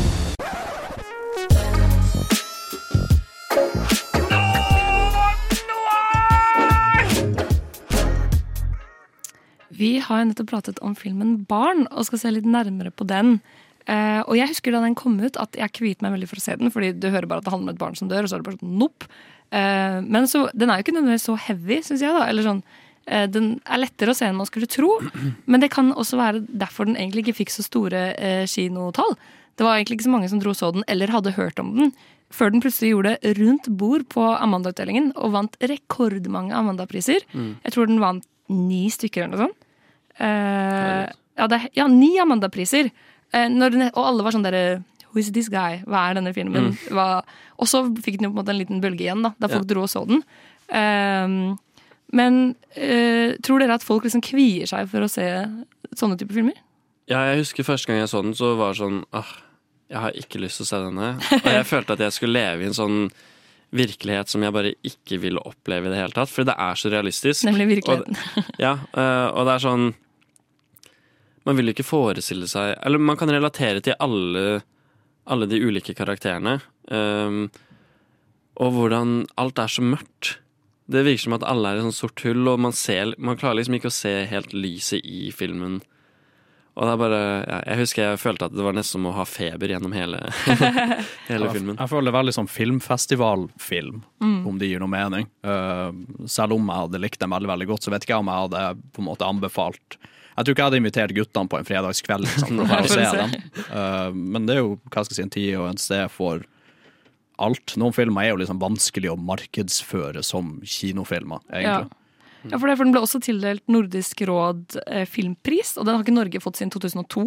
Eh, det er bare gått til andre skandinaviske land, for vi har jo ikke laget måte, noen filmer folk syns er bra nok. Mm. Så den har jo på en måte gjort det kjempe, kjempebra, men så er det ingen som vil se den, på en måte. Eh, og jeg føler det sier litt om de, der, de veldig realistiske sosialrealismefilmene. Altså de som vi også er litt kjent for. Mm. Og ingen i verden vil se den heller. Den har ikke gjort noe bra i utlandet. Ingen, uh, den har ikke vært på noen festivaler utenfor Norge.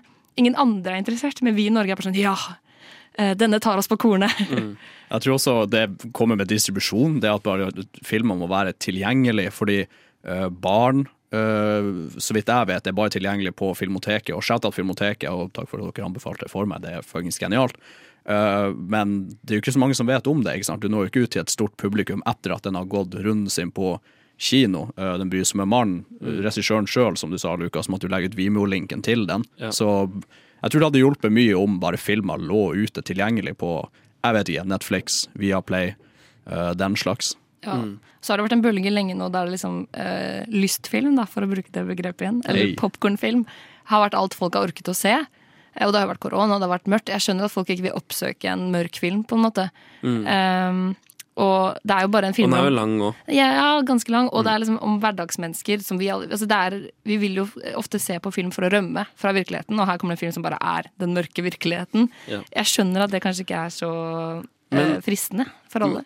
Det her er jo en sosialrealisme, men jeg føler den skiller seg ut fra liksom mange av de andre. For eksempel, eh, la oss si eh, Oslo 31. august, da. Det er jo en sånn eh, sosialrealisme spot on, føler jeg. Men Mm. det her er bare en, nesten blitt om til en egen sjanger, vil jeg si. Det handler eh, Det er noe med at det er så innviklet med alle disse karakterene og de intrigene, og bare det er litt sånn Ibsen, da. ja, det er Ibsken? nesten litt sånn Ibsen, ja. Men Ja. Er- jeg, jeg vil si at den på en måte er et mesterverk. Ja. med tanke på hvordan han har klart å orkestrere liksom hele denne filmen, alle disse karakterene, um, og bare Ja, det, jeg slet jo skikkelig med å følge med første gang, eller henge med, da. Mens andre gang så ble det lettere. Men uh, Jeg, jeg tror filmer som dette kommer til å uh, bare gå oppover. Altså At det kommer til å bli flere og flere filmer som tør å være sånn her Mm. Uh, fremover, og ikke lystfilmer. Mitt Ja. nye favorittord. Eh, fordi det er, det er interessant. Og det er litt eh, Det krever litt mer av oss som seere, men det er mer unikt. Og jeg vet at Dag Johan eh, Haugerud skal lage masse filmer fremover. Ja. og det kommer mye mer fra han. Mm. Og jeg tror han bare kommer til å fortsette å gjøre det stort, jeg. Jeg så jo Lys fra sjokoladefabrikken, som også er av Dag Johan Haugerud. Eh, og den er ganske kort, den varer sånn 60 minutter, tror jeg. Og det er, det er bare dialog gjennom hele filmen.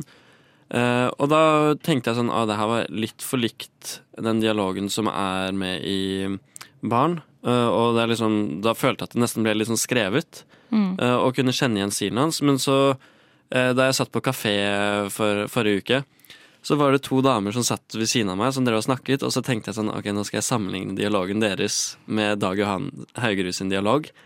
Og det er prikk likt.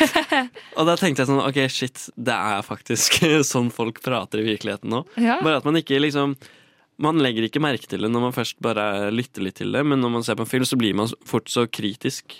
Ja. Eh, Men eh, ja, han er er eh, helt vill på dialog. Det ble jo også nevnt at han skriver bøker, faktisk romaner, og det syns jeg kommer godt frem i Spesielt i Barn, da. Eh, Den han har jo både skrevet og regissert den, at den, den, den, den ses litt som en bok. Den tar den tida den trenger. Og hvis det er stilen hans, syns jeg det er fett. Det respekterer jeg veldig. Ja, og jeg håper folk fortsetter å gi han penger. NFI, hører du det? Fortsett å gi penger til Dag Johan, vi vil se mer. Eh, vi skal hoppe til 2021, eh, men før det skal vi høre Morning Coffee. Det var Kristoffer Eikrem, Beautiful Disco å se med Morning Coffee.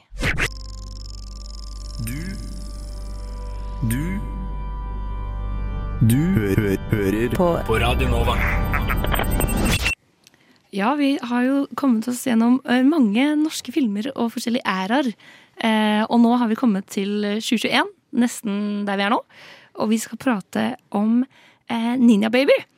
Eh, og for de som ikke har sett Ninja Baby, så handler det om 23 år gamle Rakel. Hun er veldig sånn eh, messy, du vet sånn eh, Bor i masse rot, går ikke på forelesninger, er, liksom, har så vidt penger til noe som helst. Eh, og som plutselig finner ut at hun er gravid. Eh, og hun er gravid sånn seks måneder på vei, så abort er ikke et option. Så hun føler at hun har liksom blitt possessed av en ninja baby. At at hun har blitt fratatt valget. da. Eh, og så er det liksom hele filmen bare hun som prøver å navigere denne graviditeten. Finne ut hvem hun er gravid med, date, være med venner, men også liksom prøve å finne ut hva hun skal gjøre med denne ninja-babyen. Hva har skjedd? Hæ? Med tidsa dine? Dere mye større? Ikke det? Jo. Mm, for så.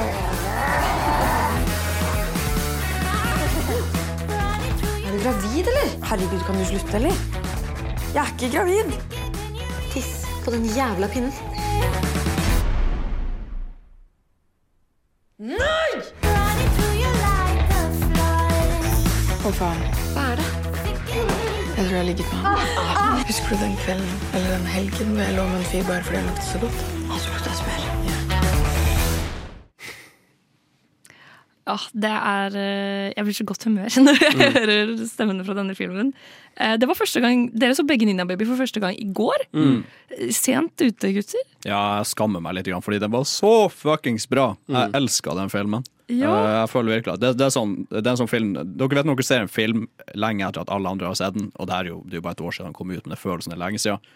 Eh, Og så tenker dere jeg har faktisk gått glipp av noe de siste par årene. Den var sånn for meg. Ja. Hva syns du, Lukas? Nei, jeg digget den, ass. Den, jeg ble veldig positivt overrasket. Eh, jeg har liksom ikke hørt så mye om det, jeg har bare hørt ordet 'Nina Baby, 'Nina Baby.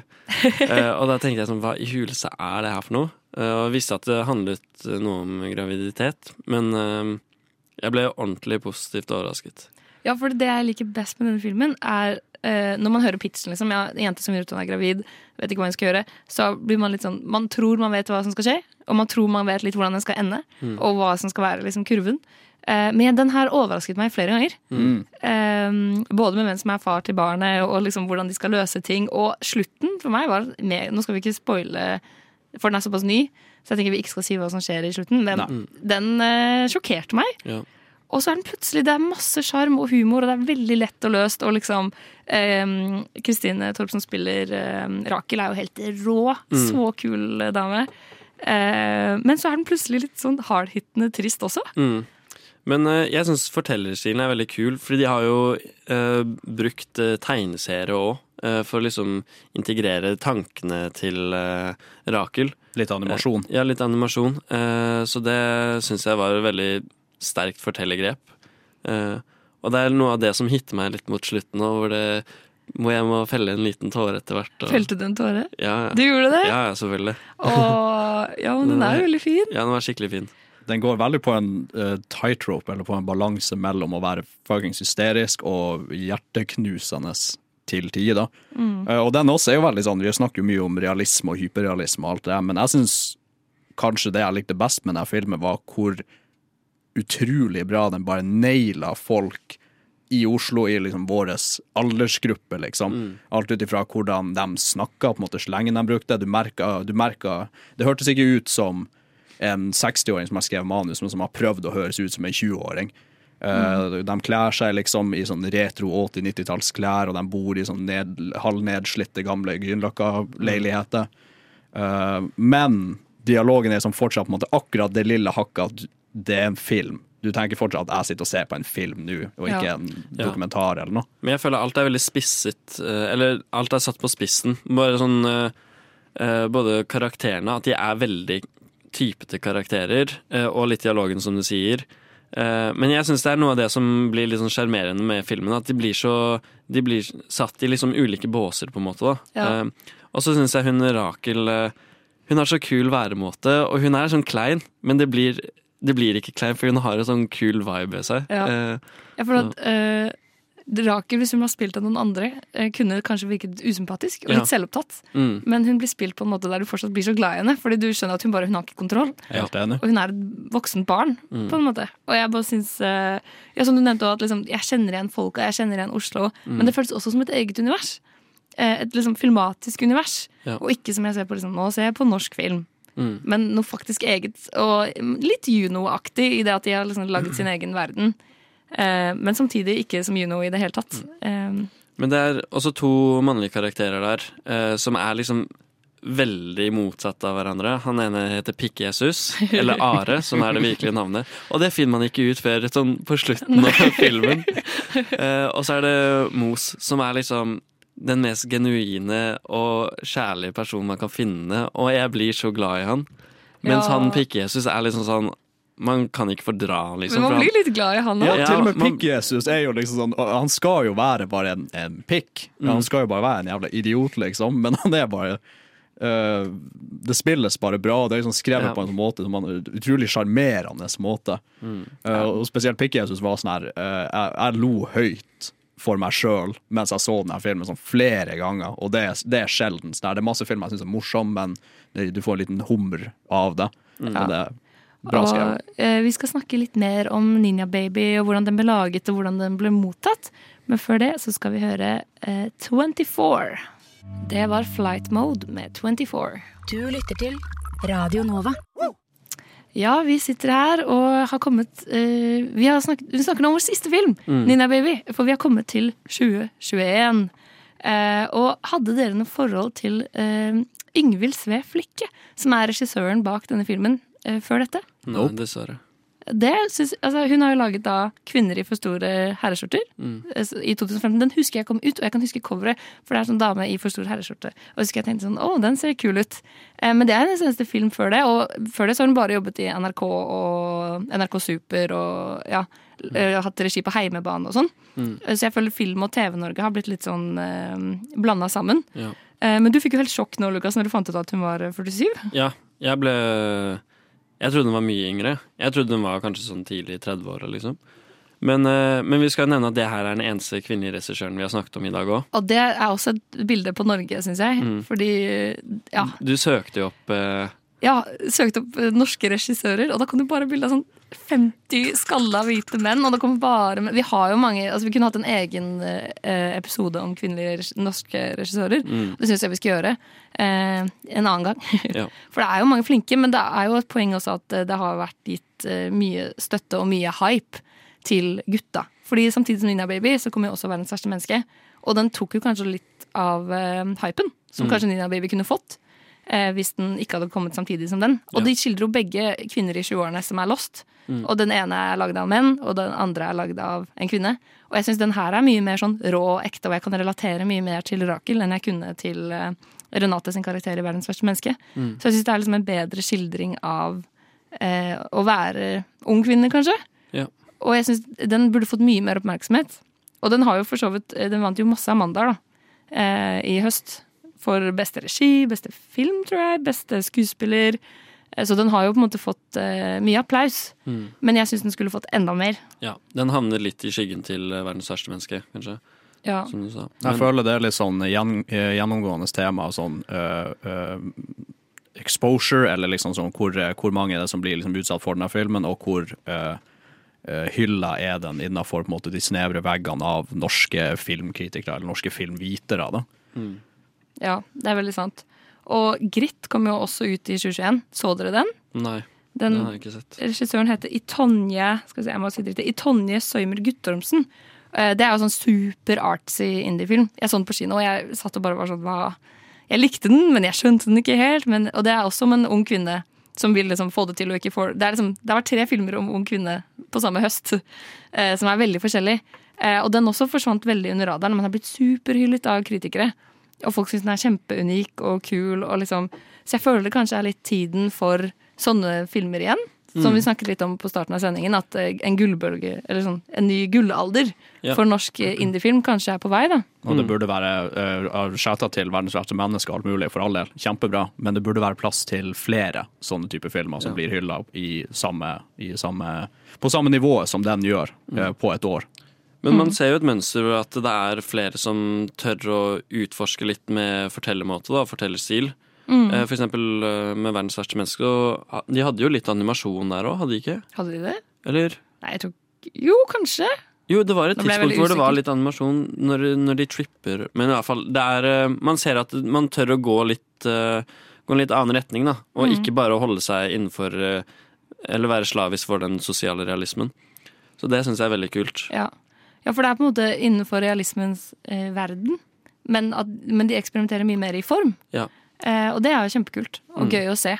Men også føler jeg at man får eh, Eller eh, regissørene får en litt tydeligere stemme. Det er ikke sånn at de bare havner blant eh, den dyngen med masse sosialrealisme som ikke skiller seg ut så veldig fra hverandre, selv om mye av det er bra. Mm. Men eh, her får det en litt sånn En litt egen stemme, da. Som Ja. jeg syns er veldig fint. Og den Ninja Baby vant faktisk eh, Europaprisen eh, for beste komedie. Og når den ble nominert til det, så eh, var det bare eh, For Verdens verste menneske ble også nominert, men i sånn beste drama. da Og det ble nesten bare skrevet om det. Så tapte jo Verdens verste menneske beste drama, men eh, eh, Nina Baby vant komedie. Og da plutselig var det sånn Å ja, det var to norske filmer nominert! Vi bare glemte å snakke om den andre. Ja. Eh, så den har jo utmerket seg i Europa òg, og det er jo veldig kult. Jeg syns også det er litt rart å eh, klassifisere Ninja Baby som en komedie Ja. eh, over et drama. Den er jo morsom, for all del, men jeg vil si at det er mye mer en dramafilm enn en komediefilm. Men ja, Ja, og jeg skulle grensene er blurra. skulle ønske den hadde fått litt mer plass, både i Norge, og, men også internasjonalt. Jeg tror det, hvis den hadde blitt liksom, Nå vet ikke jeg hvordan distribueringen funker, da, men hvis den hadde blitt sendt litt sånn ut i verden, så tror jeg mange hadde elsket den. Mm. Så ja, vi får heie mer. Jeg er spent på hva Nå vet jeg at hun der Yngvild Sve Flikke, som har regissert den, holder på å regissere den, den nye storsatsingen til NRK, eh, Makta, Ja, kult. som kommer eh, neste år. Så hun er litt busy på TV-serier fremover. Men det er også fremtiden nå, at de store regissørene også regisserer TV. Det gjør de jo i Hollywood òg. Mm. De har liksom merga litt. Ja. Um, vi er ferdig med disse fire filmene vi har gått gjennom, men vi er ikke ferdig med å snakke om norsk film. Eh, men før vi gjør det, så skal vi høre på sangen 'Fremtiden'. Det var Fremtiden. Radio Nova er best. Alle andre er tapere. Radio Nova.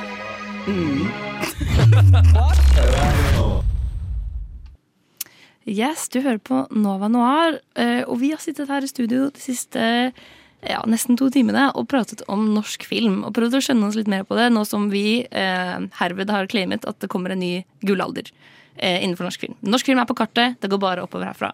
Eh, hva har dere lært? Har dere lært noe nytt? Jeg har lært at det er godt og variert, selv om vi, øh, vi begynte kanskje sendinga litt med å si at ja, enten er filmer på en måte rar sosialrealisme, eller så er det liksom krigsfilmer. Så jeg har egentlig lært at det er masse forskjellig. Øh, Det er godt og variert, alt fra øh, Tarantino-aktige splettefilmer til hyperrealistiske filmer om unger som dør øh, med uhell på, på skolen. Um, og at det er regissører i Norge som har tydelige, tydelige individuelle stemmer, egentlig. Mm. Mm. Jeg har lært eh, at det er en pre- og post-Max Manus-era. ja. Nå- Du hørte det her først. ja, du hørte det her først. Og nå er vi endelig på veien inn, inn i en gullalder. Ja.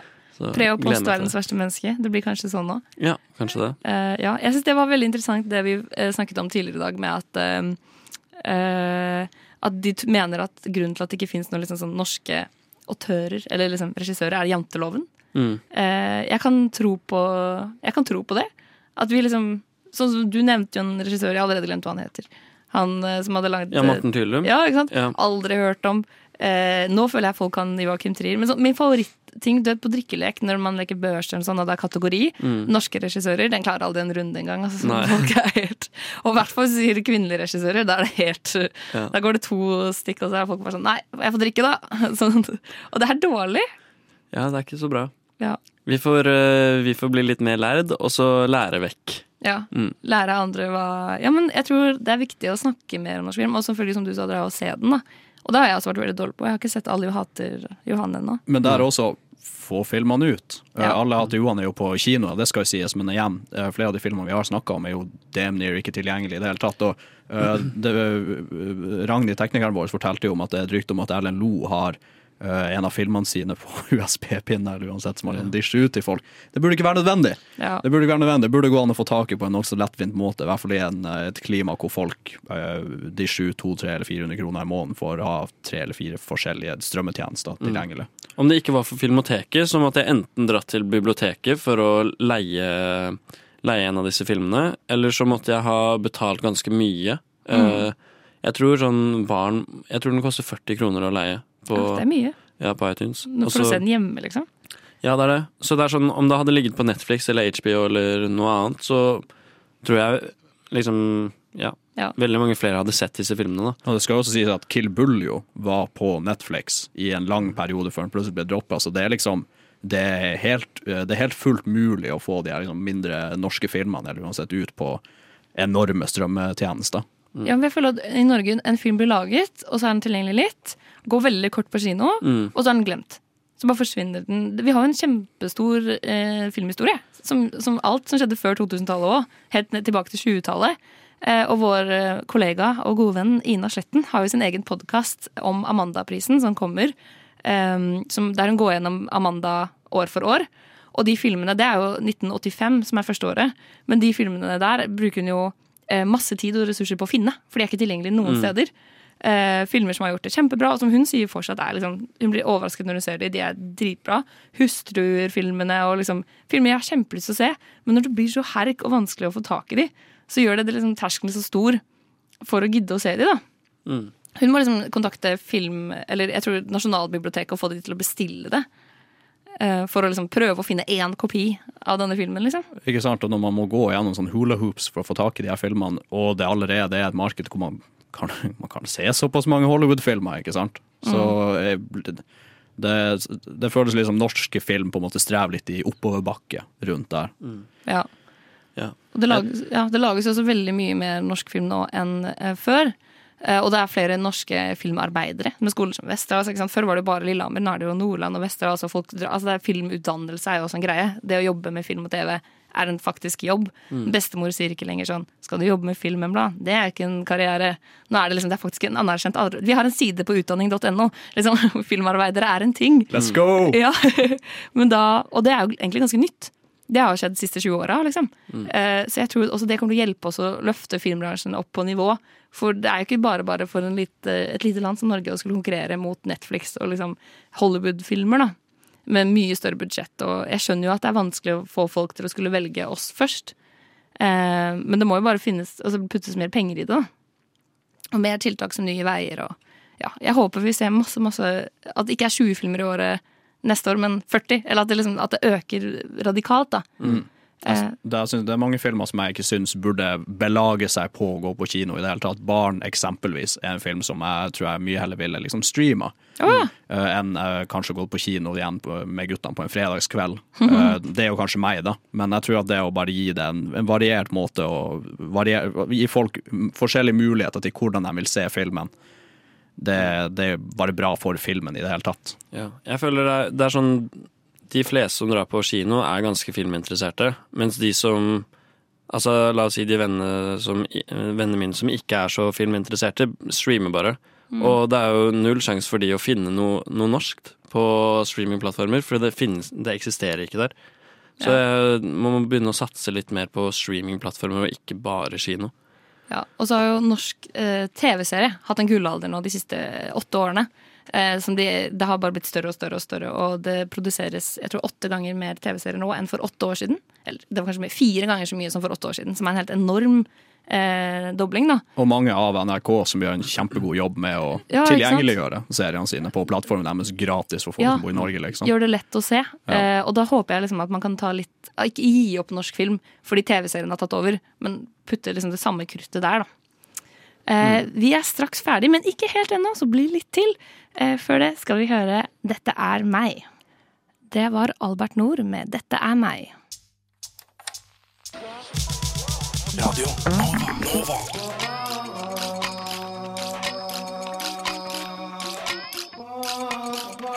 Siden 1982 har Radio Nova gitt deg favorittmusikken din før du visste at du likte den. Ja, da har vi kommet til veiens ende. Vi har pratet om norsk film de siste to timene eh, her i Nova Noir, Radio Novas beste og eneste filmprogram. Eh, det har vært så gøy!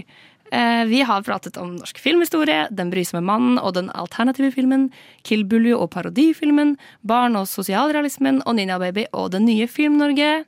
Det, jeg har lært masse. Har Ja, dere samme kost her. dere? Jeg koser meg kjempemasse. jeg. Også. Og en liten sånn reality check. Uh, bli, bli flinkere, Kim. Uh, gjør bedre for, uh, for norsk, norsk kultur. Ja, La oss se mer norsk film. Ja, det må vi. Skal dere noe gøy i dag?